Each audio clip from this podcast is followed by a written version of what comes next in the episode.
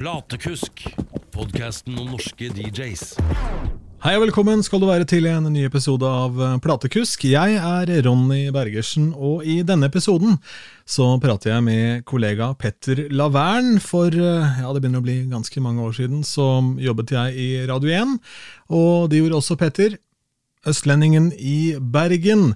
Og siden den gang så har Petter Lavern eh, da blitt involvert i et ganske stort DJ-firma i Bergen, og vært en del av Bergens uteliv eh, i ganske stor grad. Petter har masse energi å øse på med, og det er bare å begynne å glede seg dersom du eh, er en av de som kanskje er interessert i ja, eventmarkedet og litt av disse mobile jobbene, litt eh, av den biten der, samt uh, hvordan man da opererer som en god gammeldags party-DJ som spiller såkalt open format.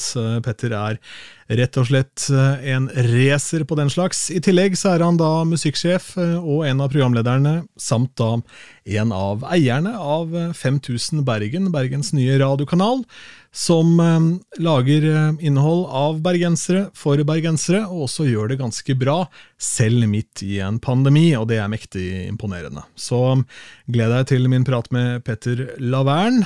Siden eh, forrige gang så har jeg også hatt gleden av å gjøre da noen DJ-jobber. Det har vært ganske bra med trøkk, det er jo det for de aller fleste nå som er aktive. Og um, både booking av jobber samt da egne spillejobber har gått egentlig så det har sust, eh, både i helger og ukedager. Mye eventjobber også som er tilbake, og litt sånne lukka ting, og det er alltid stas. Og det å få de jobbene til å koke i disse konferansesalene, det syns jeg er eh, gøy å oppleve igjen.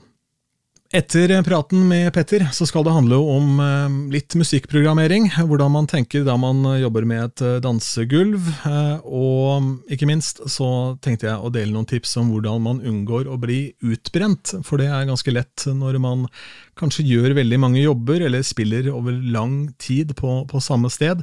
Greit å tenke på et par ting, slik at man da unngår å gå på jobb og rett og slett kjeder seg. Og kanskje i perioder så har det vært kjedelig å gå på jobb, og så har du ikke helt visst hvorfor, fordi du elsker jo DJ, men eh, allikevel så er det et eller annet da som skurrer litt. Det eh, prøver jeg også å gi et slags svar på hva årsaken kan være til, etter praten med Petter Lavern, som kommer her. Petter Lavern, eh, halla. Hei. Du, vi er jo gamle kollegaer, og som jeg har sagt i tidligere episoder, så har jeg, jeg har sendt noen meldinger helt kaldt til folk på Instagram, for jeg skal prate med folk jeg overhodet ikke kjenner. Og det skal ikke være en sånn lang seanse av at jeg ringer gamle venner og babler om gamle dager. Men du, jeg jobba sammen i Radio 1 på et uh, tidspunkt. Da satt du i Bergen, jeg i Oslo. Uh, og nå er du da i 5000 Bergen, som er lokalradioen til Bergen. Uh, av bergensere for bergensere, og der er du sammen med Gunvor og Kjellemann, som ble med over fra P5. Det er helt riktig.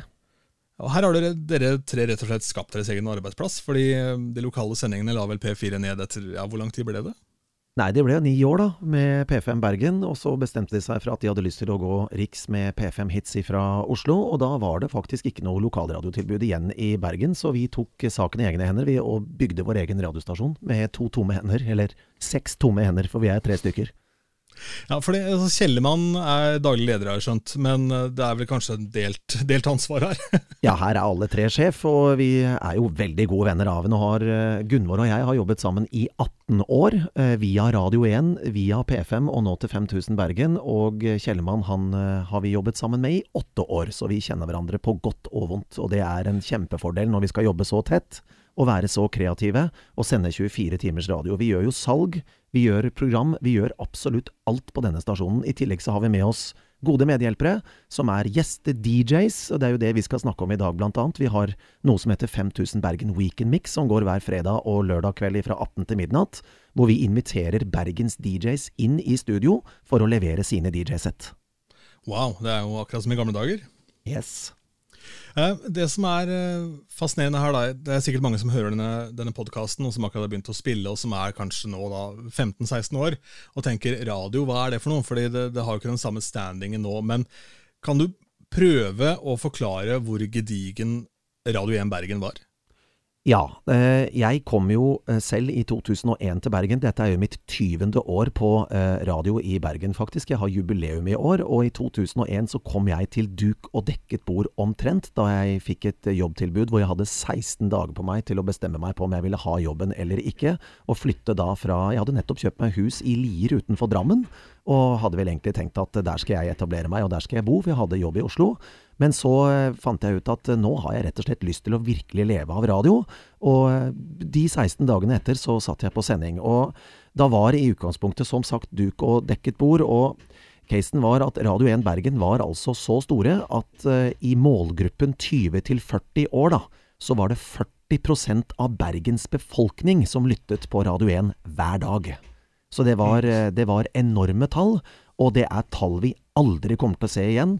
Det er enormt mye større konkurranse nå, med tanke på at du har en 30-40 DAB-radiokanaler å velge mellom, både lokalt og riks. I tillegg så er det jo færre og færre FM-kanaler.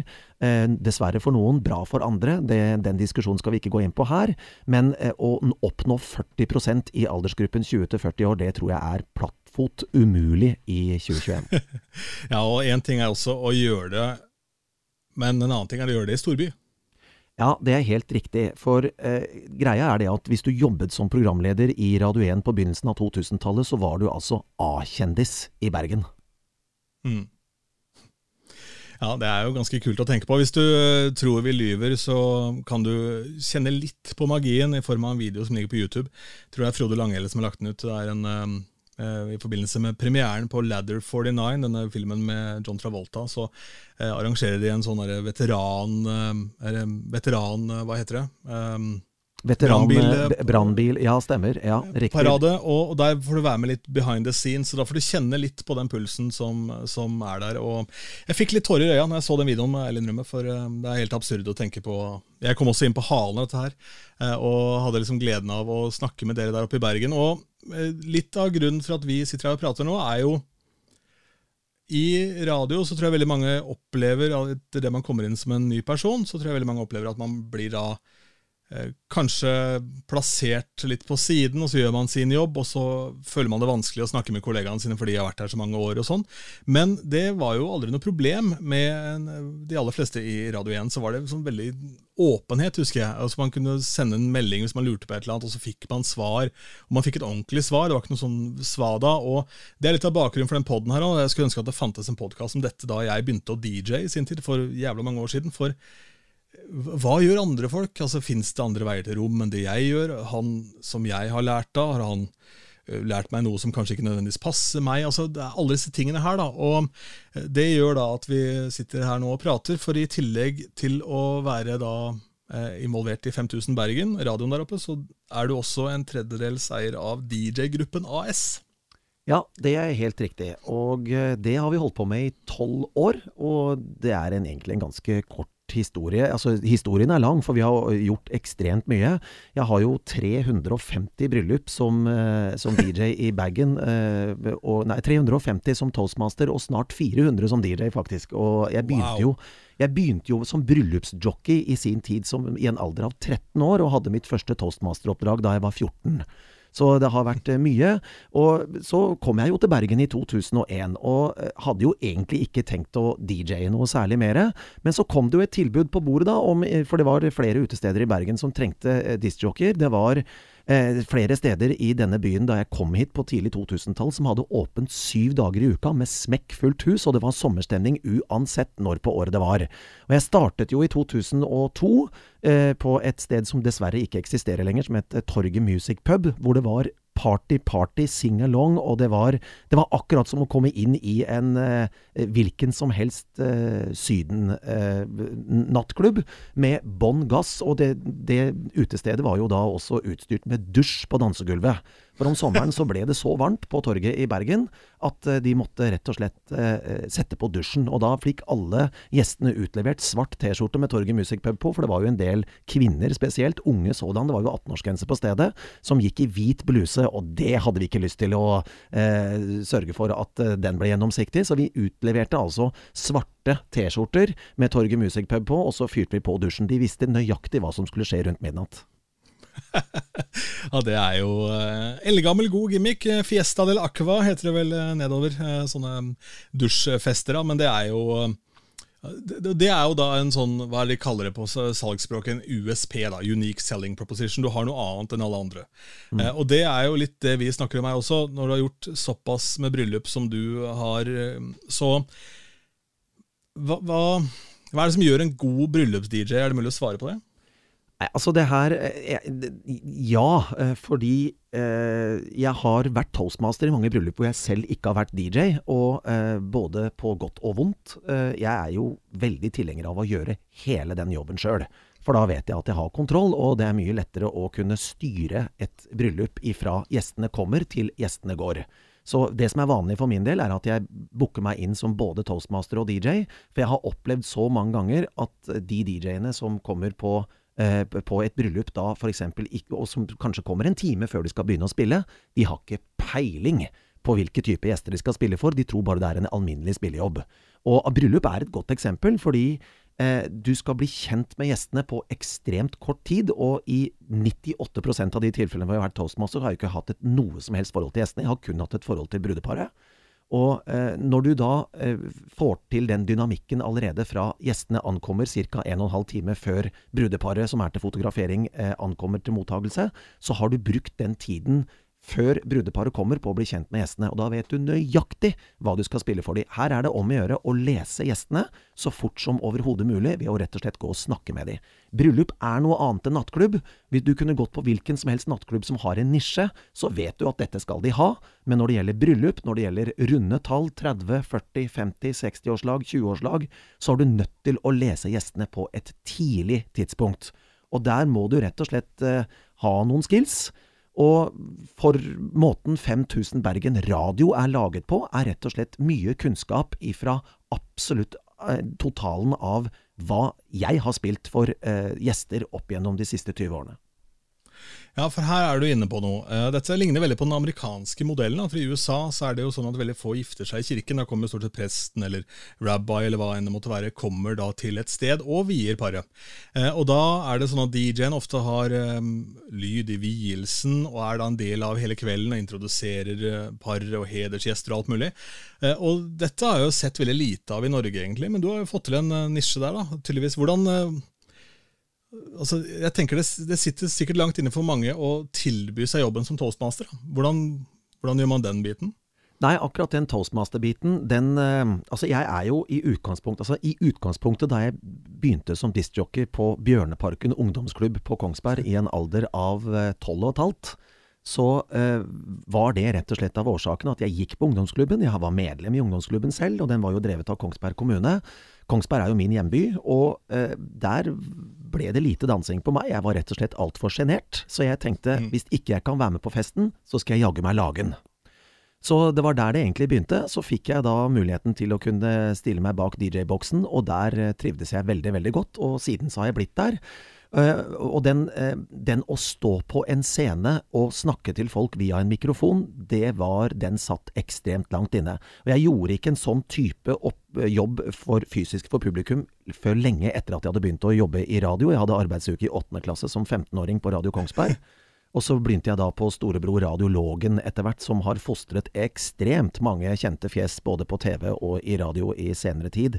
Så jeg hadde jo et, en læringskurve som var ekstremt brå, med enormt mange dyktige mennesker. Og til slutt så stelte jeg meg på scenen, og da var jeg vel 17 år, tror jeg, og da var det faktisk Witch Witch som ble presentert da på Kirketorget i Kongsberg, med 7000 gjester. Det var jo Jahn Teigen og Dolly Deluxe som hadde hovedrollene i Witch Witch. Og etter det så så jeg meg aldri tilbake. Så begynte jeg å uh, utvikle en teknikk til hvordan jeg kunne uh, lettere gjennomføre et bryllup som toastmaster. Lagde meg en slags mal som ikke 100% brukes hver eneste gang, for brudepar er forskjellige. Det er forskjellige ønsker i hva, hva brudeparet vil ha i et bryllup. Men grunnmalen for å gjøre suksess som toastmaster, den lagde jeg allerede som ja, 18-19-åring. Og siden så har det bare gått slag i slag. Og etter hvert så har jeg da på en måte utviklet det konseptet. Og når jeg først da blir booket inn som både toastmaster og DJ, så må jeg bygge hele bryllupet fra A til Å. Om det er 40-årslag, om det er eh, konferansieroppdrag på et julebord, eller om det er en sommerfest for en stor bedrift, det spiller ingen rolle. Men da må du bygge alt fra begynnelse til slutt, og da får du en rød tråd gjennom hele, hele seansen, da. Mm. Men jeg lurer litt på dette innsalget, for jeg tror veldig mange da de skal gifte seg, har en tanke om at han han morsomme onkelen skal være Ja, det er jo oppussing i bakgrunnen for øvrig, hvis du lurer på hva som smeller og slår. Så ja. det da, ja, vi pusser eh, opp studioer i disse dager. Vi holder på å fornye oss litt grann her, så ja, vi klager ja, det. det, nei, det lever vi med, det er ikke noe problem. Eh, men ikke sant, da er det mange som har tenkt på den morsomme onkelen, han skal være toastmaster i bryllupet. ikke sant? Men så kommer man da inn fra sidelinjen, og så pitcher du en idé om at denne jobben skal du gjøre. da.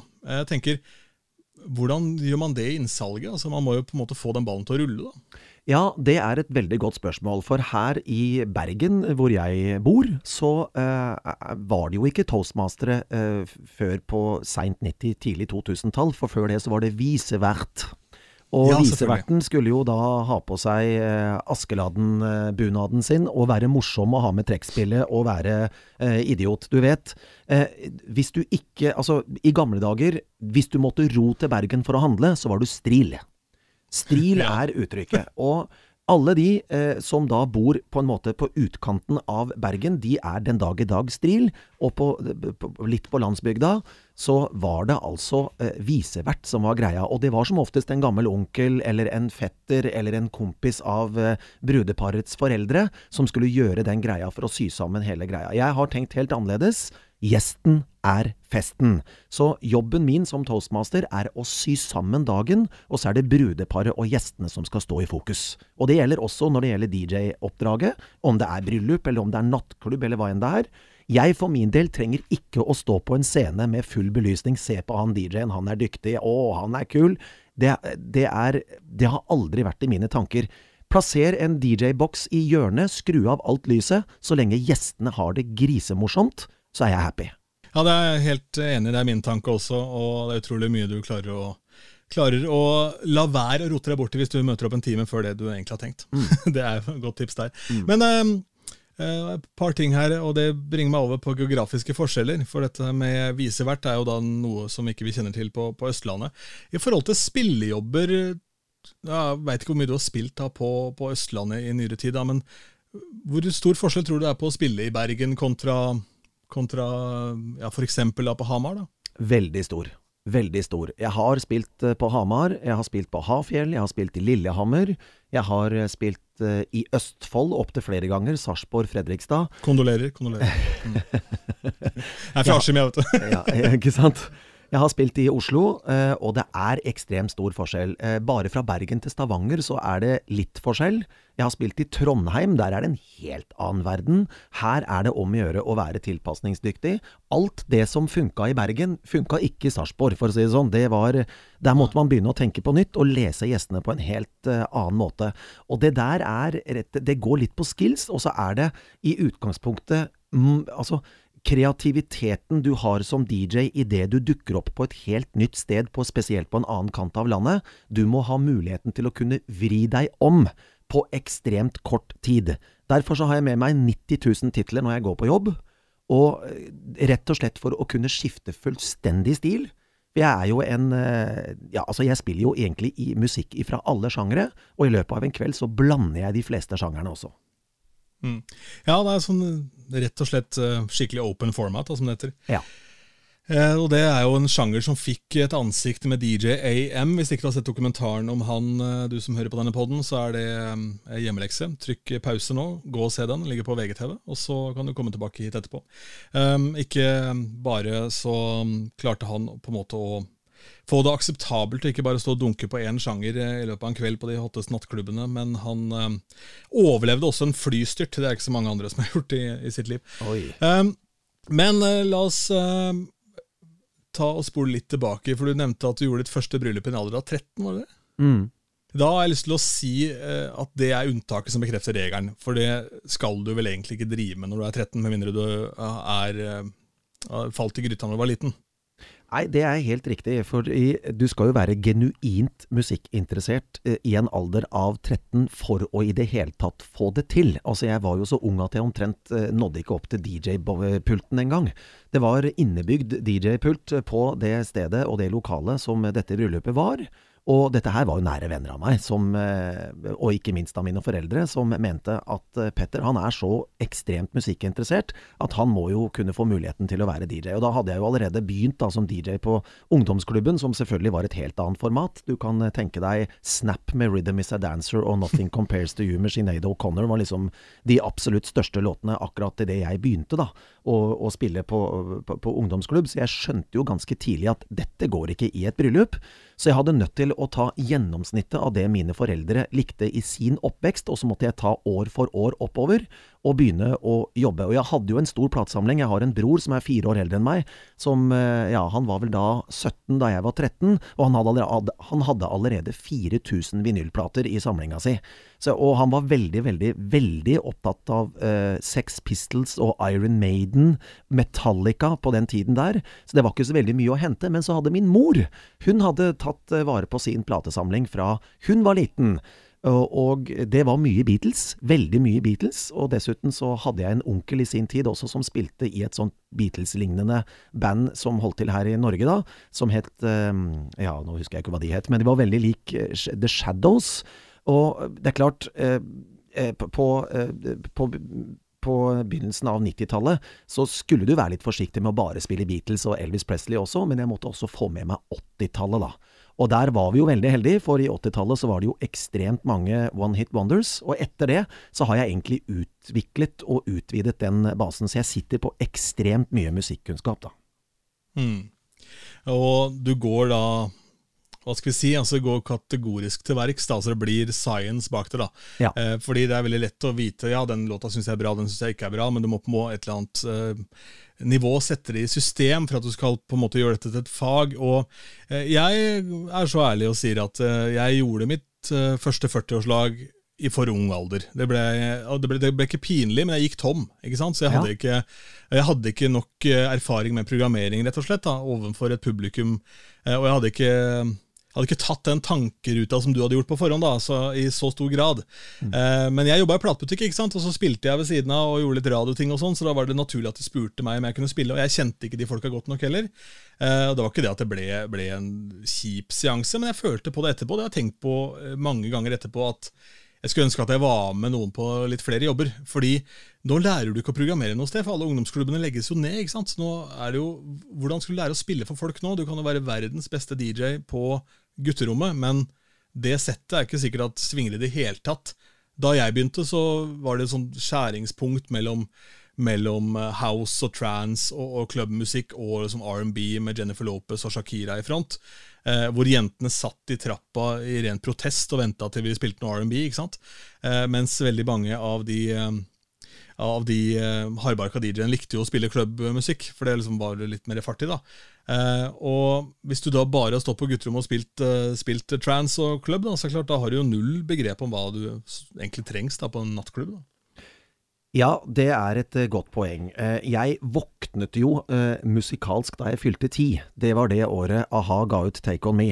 Og Hunting High and Low, mamma jobba i lokalbutikken på Gamlegensåsen på Kongsberg, der jeg er oppvokst. og det var tre kassetter tilgjengelig som butikksjefen fikk ifra, ifra grossisten.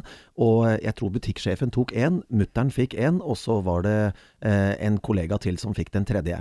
Og den dagen hvor Hunting High and Low-kassetten ble sluppet, så slapp også Wam Make It Big, som annet har Wake Me Up Before a Go-Go og Careless Whisper.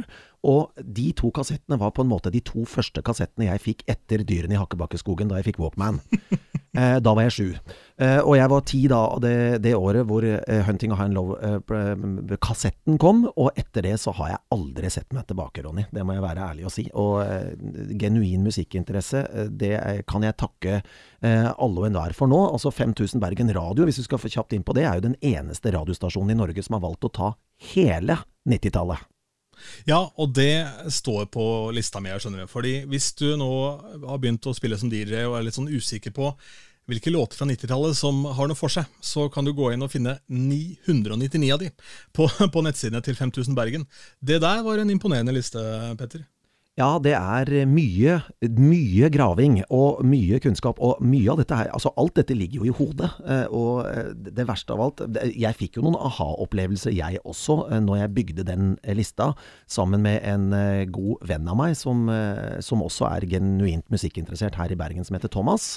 Og sammen så hadde vi utrolig mange uker sammen hvor vi kokte og kokte og kokte sammen. Og, så vi fikk noen sånne 'å, den ja', opplevelser vi også. Men uh, den lista være, den er jeg så stolt av at jeg tror den er så å si komplett. Ja, det virker sånn. Jeg har vært inne og kikka der også. Jeg har, eh, føler jeg har ganske god oversikt, men det var et par låter der hvor jeg bare tenkte oh, wow, den er det lenge siden jeg har hørt. Um, du nevnte a-ha da, og den første plata du eide, eller kassetten. da. De er jo aktuelle i dokumentarfilmform. Det er eh, hvis du har tenkt til å spille for eh, folk som er eldre enn deg selv, og, eh, og mm, ja, rett og slett ønsker å ha litt tyngre skyts inn i diskusjonene, så gå og se den dokumentaren. Og bit deg også merke i følgende at Take On Me er den mest streamede nummer én-hiten fra USA fra hele 80-tallet. Ja, det er eh, helt utrolig. Jeg var jo så heldig å jobbe sammen med Paul Voktor Savoy i tre år. Jeg hadde tre år i platebransjen fra 97 til 2000. Eh, og eh, han tok jo med seg sitt sideprosjekt til a-ha den gangen, Savoy, sammen med sin kone og trommis Frode Underland her fra Bergen. Eh, og jeg ble veldig veldig godt kjent med de. Vi spiste vafler titt og ofte sammen eh, på fritida og hadde det utrolig kjekt sammen. Og Paul har lært meg ekstremt mye om musikkbransjen, og det er imponerende å høre de historiene fra da de virkelig var ute og turnerte på, på 80-tallet. Så jeg er genuint interessert i a-ha også. Jeg skrev særoppgave om Beatles eh, før jeg fylte åtte år.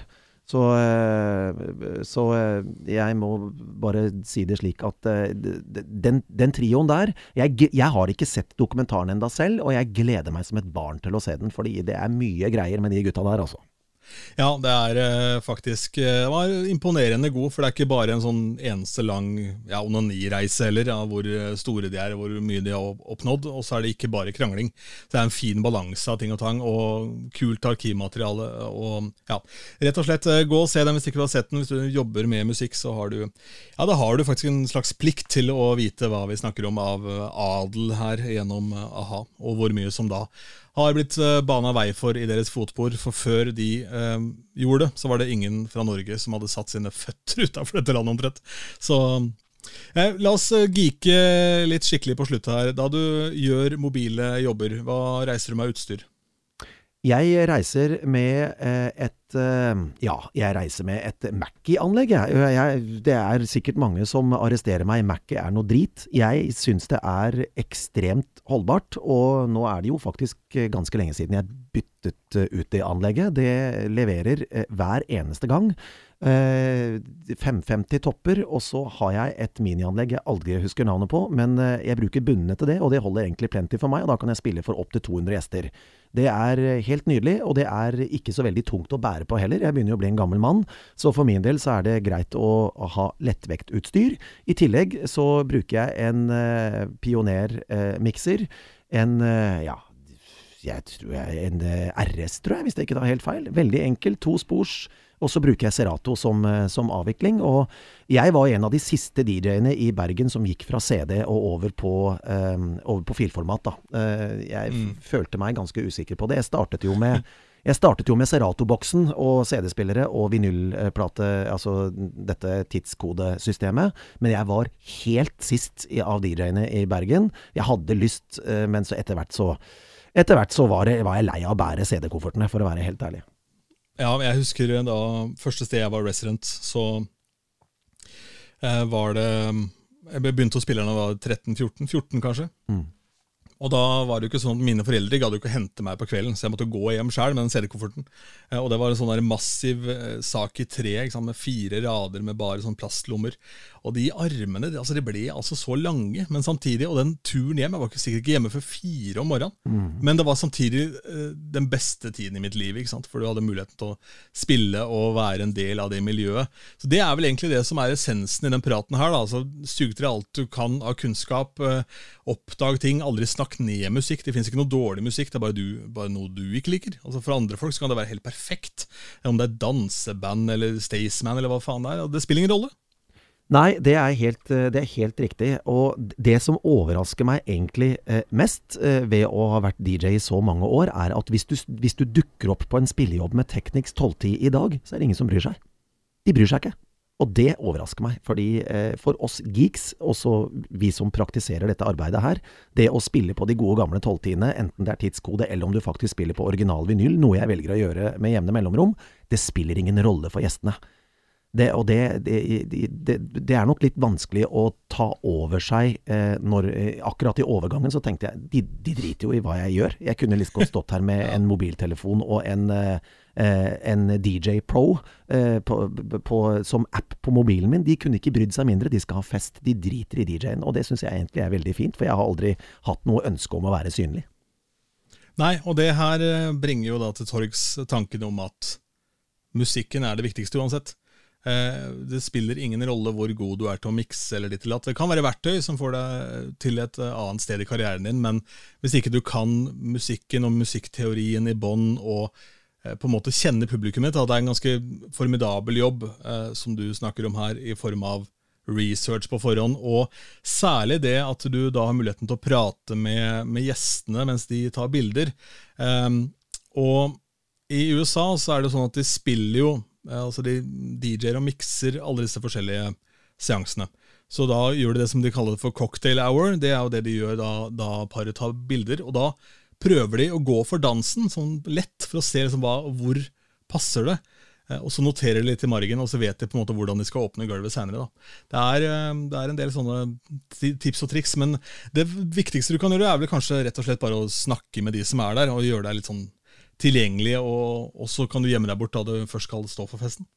Jeg hadde syv år på Scotchman i Bergen, et legendarisk utested som dessverre ikke lenger er blant oss, det heller. Og eh, det er altså det, det er det, den største festen jeg noensinne har vært med på. Syv år, hver torsdag, fredag og lørdag spilte jeg på det stedet. Og der eh, fikk jeg altså eh, teorien min ut i praksis. Det var også stedet jeg prøvde låter eh, som ikke engang var spilt på radio. Vi fikk jo, både du og jeg, Ronny, vi fikk jo disse låtene her egentlig før de ble sluppet. Nå er det jo Spotify som har tatt over og er eh, tidligst ute. Eh, for vi fikk jo musikk fra plateselskapene i form av promoer, og eh, alt ifra Kurt Nilsen til andre ting dukket jo opp i postkassa vår på CD i sin tid. Og jeg testet altså låtene der lenge før radiostasjonene begynte å spille de, og fikk ja, både den ene og den andre tilbakemeldingen på det. Men jeg hadde muligheten da de to første timene før det virkelig smalt og alle gjestene kom samtidig. Du kunne jo stille klokka, hvis du går 15 år tilbake i tid, så kunne du stille klokka på når gjestene kom ut på byen ja. i Bergen. De kom kvart på ett, uansett hvor lenge serveringen varte. Jeg tror det er samme alle andre steder også. Jeg hadde samme inntrykk hjemme i Askim, der jeg kom fra. Så var det sånn bang, da smalt det. Så og på den tida så ble man jo stående utenfor og ikke gjøre noen ting. Så man endte man opp med å festrøyke da, uten å være på fest. Det var det sånn, For noe måtte man jo drive med. Ja, og eh, der lærte jeg også veldig mye om hvordan mennesker reagerer på musikk. For uh, Scotchman var jo eh, et eh, party-party sing-along-sted. Det var egentlig eh, Heidis Bierbar, bare tatt det enda mer ut. Eh, Heidis Bilbar er jo småtteri i forhold til hva Scotchman var i sin tid. Det var Gale-Mathias, men vi hadde også en eier av stedet som var ekstremt eh, opptatt av at du ikke skulle spille syremusikk. Og uh, syremusikk for han, det var, det var, liksom ikke Det var ikke blodtrans. Det kunne være uh, Altså, det, det, kunne være uh, så banalt som hvis du hadde én i-i-i-i-i, så var det syre. Ferdig med det. Og det måtte vi lære oss, og han hata rock i tillegg. Men han måtte gi seg på det da jeg spilte Rage Against the Machine med 'Killing in the Name', og de gikk Og gjestene vasset i knuste Hansa-glass til knæra. Da skjønte han at oi, jeg har nok litt feil. Det er jo fest han skal lage. Uh, og jeg, da spurte jeg han er det deg jeg spiller for, eller er det gjestene dine. Nei, uh, har du tjent penger i dag? Uh, ja, fint. La oss slutte den diskusjonen. Og etter det så spilte vi rock på stedet. ja, jeg ser den. Det kunne, kunne blitt en interessant eh, seanse der etter hvert, hvis du ikke skulle spilt verken eh, rock eller elektronisk musikk. da. Ja, og Party Rock Anthem den eh, var forbudt faktisk i de fire første ukene låta var en hit, men til slutt så måtte han ja. vise. Det er syre der òg, det kan si. ikke sant? I, i, i, det holdt for han, er, det er syre. vi er i ferd med å runde av her. Eh, spør alle som er gjester i denne podkasten om eh, to låter som eh, du går til nesten hver gang du spiller.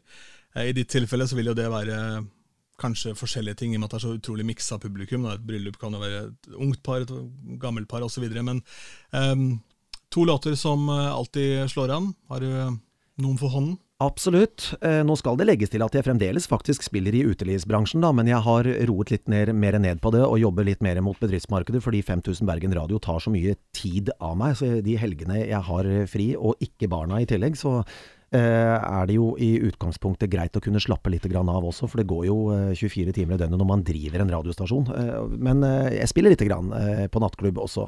Og det blir jo en julebordsesong som garantert jeg kommer til å spille mye, så det er ikke bare bryllup da, Ronny. Men to låter jeg garantert spiller i løpet av en kveld som jeg vet virker godt her i bergensområdet. Det er Run DMC og Aerosmith med Walk This Way, som er en, en låt som i utgangspunktet knekker eh, over på eh, at festen skal begynne. Det er ganske tidlig på kvelden. Du kan ha spilt alt mulig mellom himmel og jord, og det kan være enten nattklubb eller, eller bryllup eller 40-årslag eller eh, en sommerfest for bedriftsmarkedet. Det spiller ingen rolle. Den låta den skal, starter på en måte festen for min del. Og kommer du litt lenger ut på natta, så er det ingen tvil, og jeg kommer aldri til å komme unna uh, Delirium og Sarah McLachlans uh, Silence i Tiesto In Search for Sunrise-remixen. Wow, kult. Det var, ehm, det var en god bredde de to anbefalingene der. Ja, jeg spiller jo bredt, og eh, det gjør meg ingenting å spille Vassendgutane heller, hvis det, det, det føles riktig. Eh, jeg er altså ingen nisje-DJ, eh, men, men når du er en open format-DJ, så har du jo i utgangspunktet nødt til å kunne tenke litt på hvordan du kan bygge sammen låtene. Og for nye, unge DJs der ute, så er det alfa og omega. Eh, du kan klare deg gjennom en hel kveld uten å mikse en eneste låt, hvis du har alle de riktige låtene og treffer publikum 100% men når du i tillegg kan mikse de, så vinner du kvelden. Og det er eh, noe jeg har lært meg opp gjennom åra. Jeg var ikke god til å mikse da jeg begynte, og det tok ganske mange år. Men etter hvert så begynner du å lese både eh, tonenøkler, eh, beats eh, og ikke minst cutmix. Så du kan egentlig spille hva du vil. Jeg har ikke noe problem å spille Delirium og Hellbillies eh, back to back. Det gjør ingenting, så lenge gjestene vil ha det jeg kommer jo fra den skolen hvor man miksa house og trance, hvor man lå i miksen i to minutter, så var jeg vant til det. Så det var en sånn veldig eh, avvenning, eh, for nå skal ting gå kjappere, ikke sant. Og du må liksom over fra det ene til det andre og blande sjangere og sånn. Og det har vært en, ja, rett og slett en kjempefin reise. Eh, og du finner ut ting ved dine egne skills som imponerer deg på et vis, da. Og det trodde jeg var ferdig med, jeg skal være helt ærlig. Men det har dukka opp nå i løpet av denne tida hvor det ikke har vært så jævla mye spilljobber, så har man stått, stått hjemme hjemme og, og øvd litt. da. Men um, Og så vil jeg ha en låt som er absolutt krydder, når du på en måte har uh, Når du står på Scotchman da, og det koker back in the day, hva er det du kunne dra opp av hatten da, altså en gang i ny og ne, sånn hvis det virkelig smalt? Hvis man skal tenke litt utafor boksen? Ja, da har jeg lyst til å gå på rock, og det, uten tvil Sweet Child of Mine med Guns N' Roses da, da, smeller det. Da smeller det. Altså, jeg nevnte Rage Against the Machine i stad. Den slutta jeg å spille fordi vi knuste så sinnssykt mange glass inne på stedet.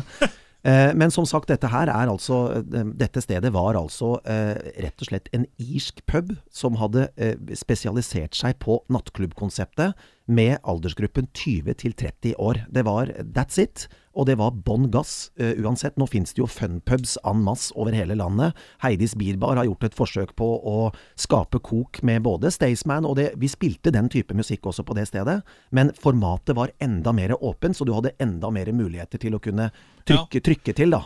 Så den type Old, Old, Irish Pub gjør vel det, denne danske kjeden? Ja, på et vis så gjør de det, men de har sine restriksjoner, de også. Scotchman hadde ingen.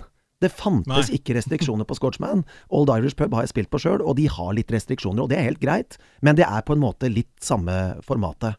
Og her er det om å gjøre å eh, Altså, jeg profesjonaliserte eh, Scotchman, Old Irish Pub, eh, Heidis Bierbar-konseptet så mye at eh, jeg var ikke fornøyd hvis jeg ikke hadde vært innom 700 låter i løpet av fem timer. Jeg tuller ikke. Det er rått. Eh, her er det mye å plukke opp. og Hvis du skal bare ta med deg én eh, ting da, fra denne podkasten og praten med Petter, så er det at engasjement det kommer du jævlig langt med, for her er det trøkk og punch fra første, første ord ut av nebbet. Og um, du må ikke komme hit og tro at selv om du kan beatmixe, så skal dette være en walk in the park. Dette er tungt arbeid hele veien til banken. Men så kan du også da sitte igjen med en hel haug med deilige røverhistorier når alt kommer til alt. Før, eh, før, du får siste spørsmål her, så må vi ta to ord om Bergen eh, digitalfestival. Eh, for eh, som om ikke det var nok å skulle drive med noe radio og et eh, DJ-byrå eh, DJ og litt sånn forskjellig, så stabla vi jammen på beina en digital festival også midt i pandemien. Ja, det gjorde vi, og det er jo en solskinnshistorie når vi setter oss ned og uh, nyter livet litt med beina i kors, den, uh, så vidt man får få muligheten til det. Bergen digitalfestival eh, var en eh, idé eh, som jeg kom på ganske tidlig, for da pandemien nådde ikke Norge enda, men den var på vei til å nå Norge, så tok jeg noen telefoner til noen venner av meg. En som jobber med TV og jobber med streaming, og en som er lydtekniker for både store og anerkjente band over hele landet, egentlig, men eh, som også driver eh, og drev et lyd- og lysutleiefirma og drev med konsertarrangementer.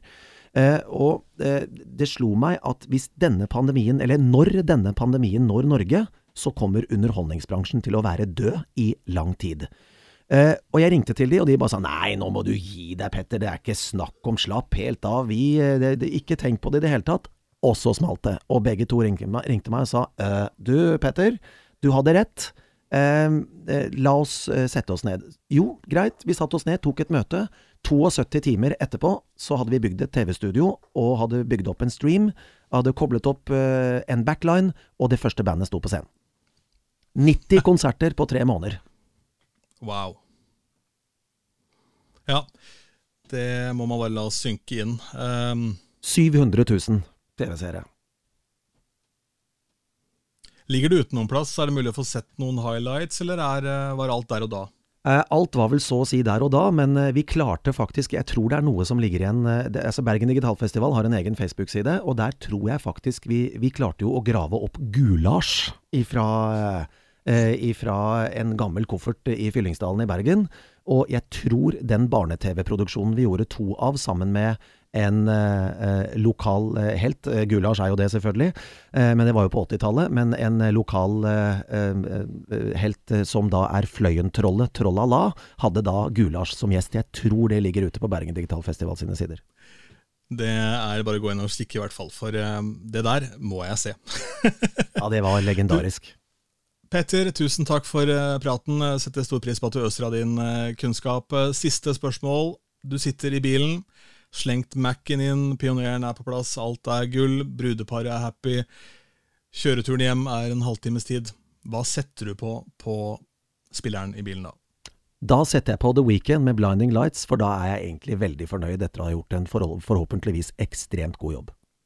Soft landing, det, med andre ord. Ja, den kan jo for øvrig mikses rett inn i a-has Take On Me, så det er jo perfekt. En sann glede å snakke med Petter igjen. Lenge siden uh, sist. Jeg legger en link også da i uh, beskrivelsen av denne episoden til uh, lista over da de beste låtene fra 90-tallet som Petter Lavern og co. har satt sammen da på 5000 Bergen.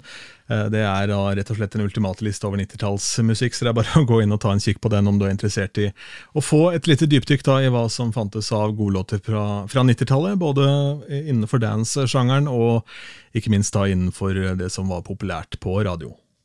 Apropos populært på, på, radio. Det kan jo være sånn at man rett og slett i perioder kanskje er lei av musikken man eh, spiller. Eh, og Litt av grunnen til det har man jo da forsket på. Det brukes ganske mye penger på å forske på hvorfor eh, trender er som de er i radio. Og en fyr som bl.a. har skrevet en bloggpost om dette, som han kaller da for musikalske lulls and highs. Det er en fyr som heter Lee Abrams, og hvorfor alle dager skal man benytte noe tid i det hele tatt på å høre på denne karen her, en gammel gubbe. Jo da, altså han uh, fant opp, eller i hvert fall systematiserte, radioformatet som heter AOR, altså Album Oriented Rock. Som var et radioformat som i korte trekk gikk ut på at man fokuserte på artist fremfor hits. Så man eh, valgte seg da et knippe kjerneartister innenfor eh, rock, da særlig, og fokuserte på artistens fulle katalog, fremfor å måtte da vanne ut rocken med band som f.eks. The Carpenters, som var gigantiske på samme tid som en del av de virkelig store fyrtårnene da innen AOR-formatet, som Bruce Springsteen, Aerosmith eh, osv. Og Lee Abrams var på et uh, tidspunkt der på tidlig 80-tallet involvert i programmeringen av over 100 radiostasjoner i USA, og han var da i 1998 den aller første som ble ansatt i XM satellittradio, som nå er fusjonert med Sirius, og er temmelig big deal. 35 millioner amerikanere abonnerer på Sirius XM, omtrent da 10% av befolkningen. Og ja, lols and highs, altså kanskje passive og aktive år da, på, på, norsk. Et uh, passivt år er da et år hvor veldig lite av musikken er kontroversiell. Det er eh, plateselskapene og mogulene som er i, i front. Eh, og hvordan artistene ser ut, er liksom veldig lite truende.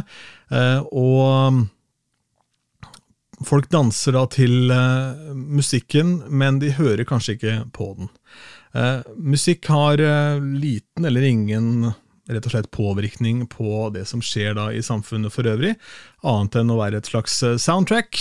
og det er noe som skjer i undergrunnen, men det treffer på en måte ikke de store massene.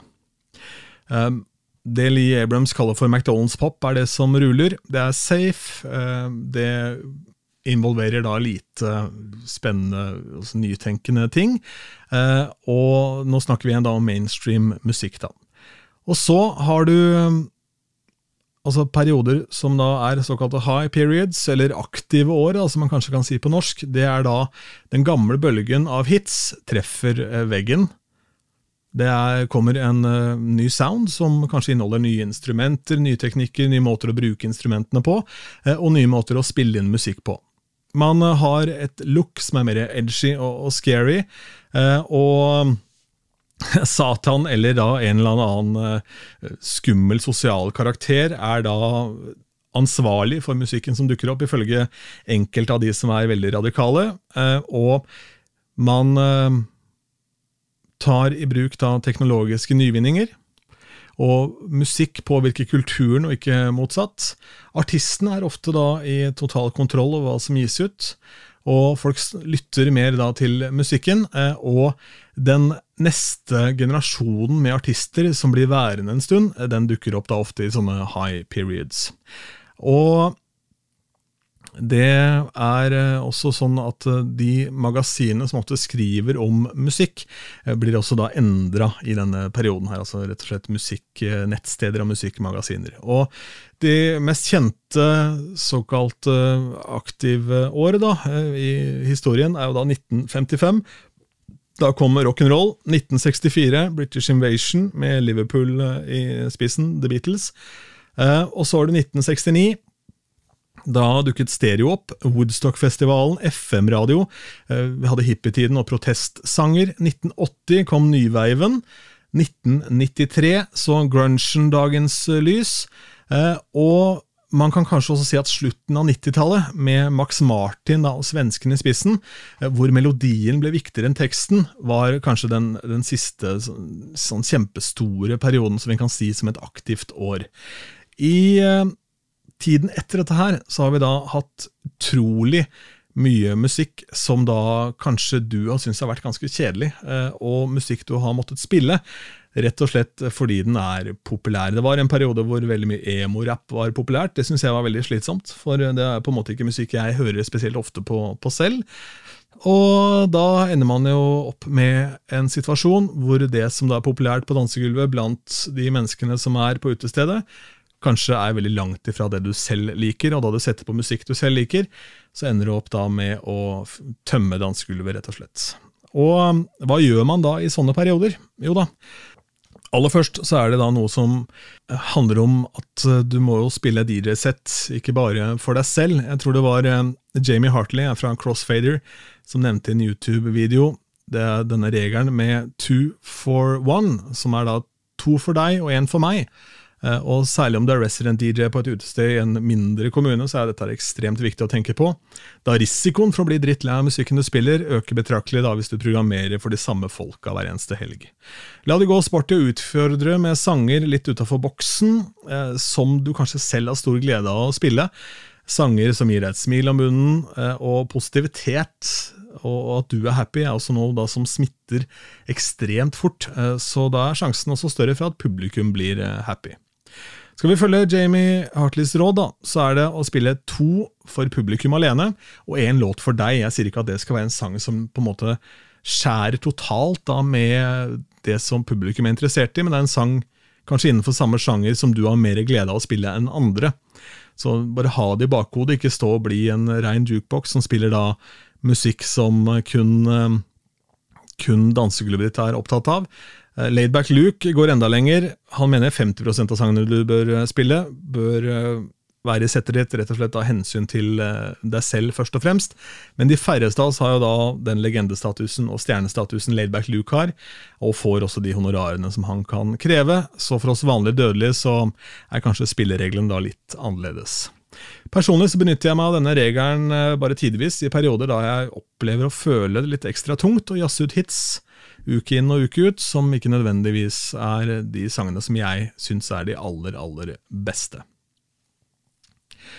Og dersom du spiller eh, den, i den perioden vi nå går inn i, altså julebordsesong og mye sånne corporate, corporate events og, og, den type ting, bryllup og for den saks skyld, så er det jo ofte sånn at man kan Særlig i et bryllup så kan man jo legge opp en kveld, slik at man på en måte starter dansen på gitte tidspunkter. Og så kan man eh, ved hjelp av brudeparet få rigget kvelden slik at man da eh, får det hele i gang. Eh, men på noen firmafester så vil det ta lang tid før folk danser. Sånn er det bare. De er ikke klare. Kanskje har barn akkurat åpna, kanskje har det vært for mange kjedelige taler og for lite i glasset. Altså, kanskje er det rett og slett en gjeng som ikke er helt der. Her må du i så fall gjøre jobben da på forhånd. Det handler om å da dra på fisketur, finne ut så mye som mulig om de folka du spiller for. Eh, prøv å snappe ut et eller annet eh, hos de. Hvis du finner én intern greie som funker i en del av en jentegjeng, så får du de i gang, og så smitter de over på andre. Noen må bare åpne gulvet. Du må rett og slett bare sette det i gang. Eh, for all del, få dempet belysningen, og har du mulighet til å ha med deg noe diskolys i en eller annen grad, jeg sier ikke at du skal reise rundt med en svær pakke, men gjør du corporate events og er leid inn med et P-anlegg, eller det står et P-anlegg på stedet, så ta med deg noen lamper, et eller annet som bare gjør at det skjer noe på det gulvet. For da blir det mye mer avvæpnende med en gang, eh, og rett og slett skulle danse. Og da du får folk til å danse, så er jo halve jobben gjort, du har fylt opp dansegulvet. Men hvordan kan du da gå videre den kvelden? Fordi det er jo en kjent sak at uh, man kan ikke spille for de samme menneskene hele kvelden, for de blir jo slitne. Kanskje skal de ha seg en røyk, kanskje skal de kline litt, uh, kanskje skal de kjøpe noe i baren, kanskje skal de på toalettet osv. Og, da er det regelen om å fylle og rotere som er uh, det viktige. Du spiller da for de menneskene som danser, kanskje i en periode på et kvarter til 25 minutter og så prøver de å bytte om en form for sjanger. Eh, og Legenden Carl Cox har sagt på et tidspunkt at han bruker mer fokus på de i utkanten av dansegulvet enn de som faktisk danser. For de som faktisk danser, har han allerede fått dit eh, på et vis, så han ser da hva slags mennesker fins i utkanten av dansegulvet. Jeg gjør også det fra tid til annen, og i hvert fall mer aktivt da kanskje nå etter korona. Hvilke mennesker har jeg i lokalet? Ja, De der borte, de er, eh, ja, der har vi noen som har eh, litt mer eh, latinoopphav, som kanskje kommer fra, fra mm, mer altså sydligere strøk. De har jo da lettere for å like latin og ting, og lettere også da for å få det til kanskje å løsne på dansegulvet, fordi de er mer utagerende enn den vanlige mannen i gata. Altså ikke utagerende som at de fester mye og er liksom helt sånn crazy, men de har kanskje litt lavere skuldre da enn herr og fru Norge, som kan være litt mer uptight. Hvis du finner noen å jobbe med, så begynn å jobbe med de, og så jobber du da i randsonen av hva de liker, for å prøve å få med deg da de store massene. Det er rett og slett da liksom planen bak dette. Jeg sier ikke at dette her er eh, noe nyskapende eller revolusjonerende på noe vis, men det er veldig sjelden at vi norske DJ-er setter liksom ord på hvordan vi jobber med dansegulv. Eh, jeg har ikke hørt det skje så veldig ofte, så det er eh, mine tips i hvert fall, sånn i første omgang. Det kommer flere tips etter hvert i senere episoder. Neste episode blir helt spesiell, den kan det faktisk hende at dukker opp allerede om en uke, da vi går inn i en julebordsesong hvor pardans er meget viktig, og pardans det funker ekstremt bra til gammel, god rock'n'roll. Derfor har jeg tatt kontakt med en ekspert på feltet så det vil komme da en helt spesiell Spotify-playlist uh, i neste episode. Som kommer da enten om 14 dager eller om en uke. Det avhenger litt av hvor mye jeg har å gjøre på andre plan, men jeg skal prøve å se hva jeg får til, slik at du kan komme bedre rusta med et paredanssett pardanssett inn i julebordsesongen enn du ellers uh, vanligvis ville gjort. Uansett, lykke til. Takk for at du har hørt uh, Platekusk. gi positive eh, reviews hvis du har likt det du har hørt. Det setter jeg stor pris på, og det er tydeligvis også da en eh, faktor for at noen da skal oppdage denne podkasten. Den eh, fins overalt hvor du hører podkast. Har du feedback, så send meg en e-post. Ronny at platekusk.no. Til neste gang, vi høres. Du har hørt Platekusk, podkasten om norske DJs.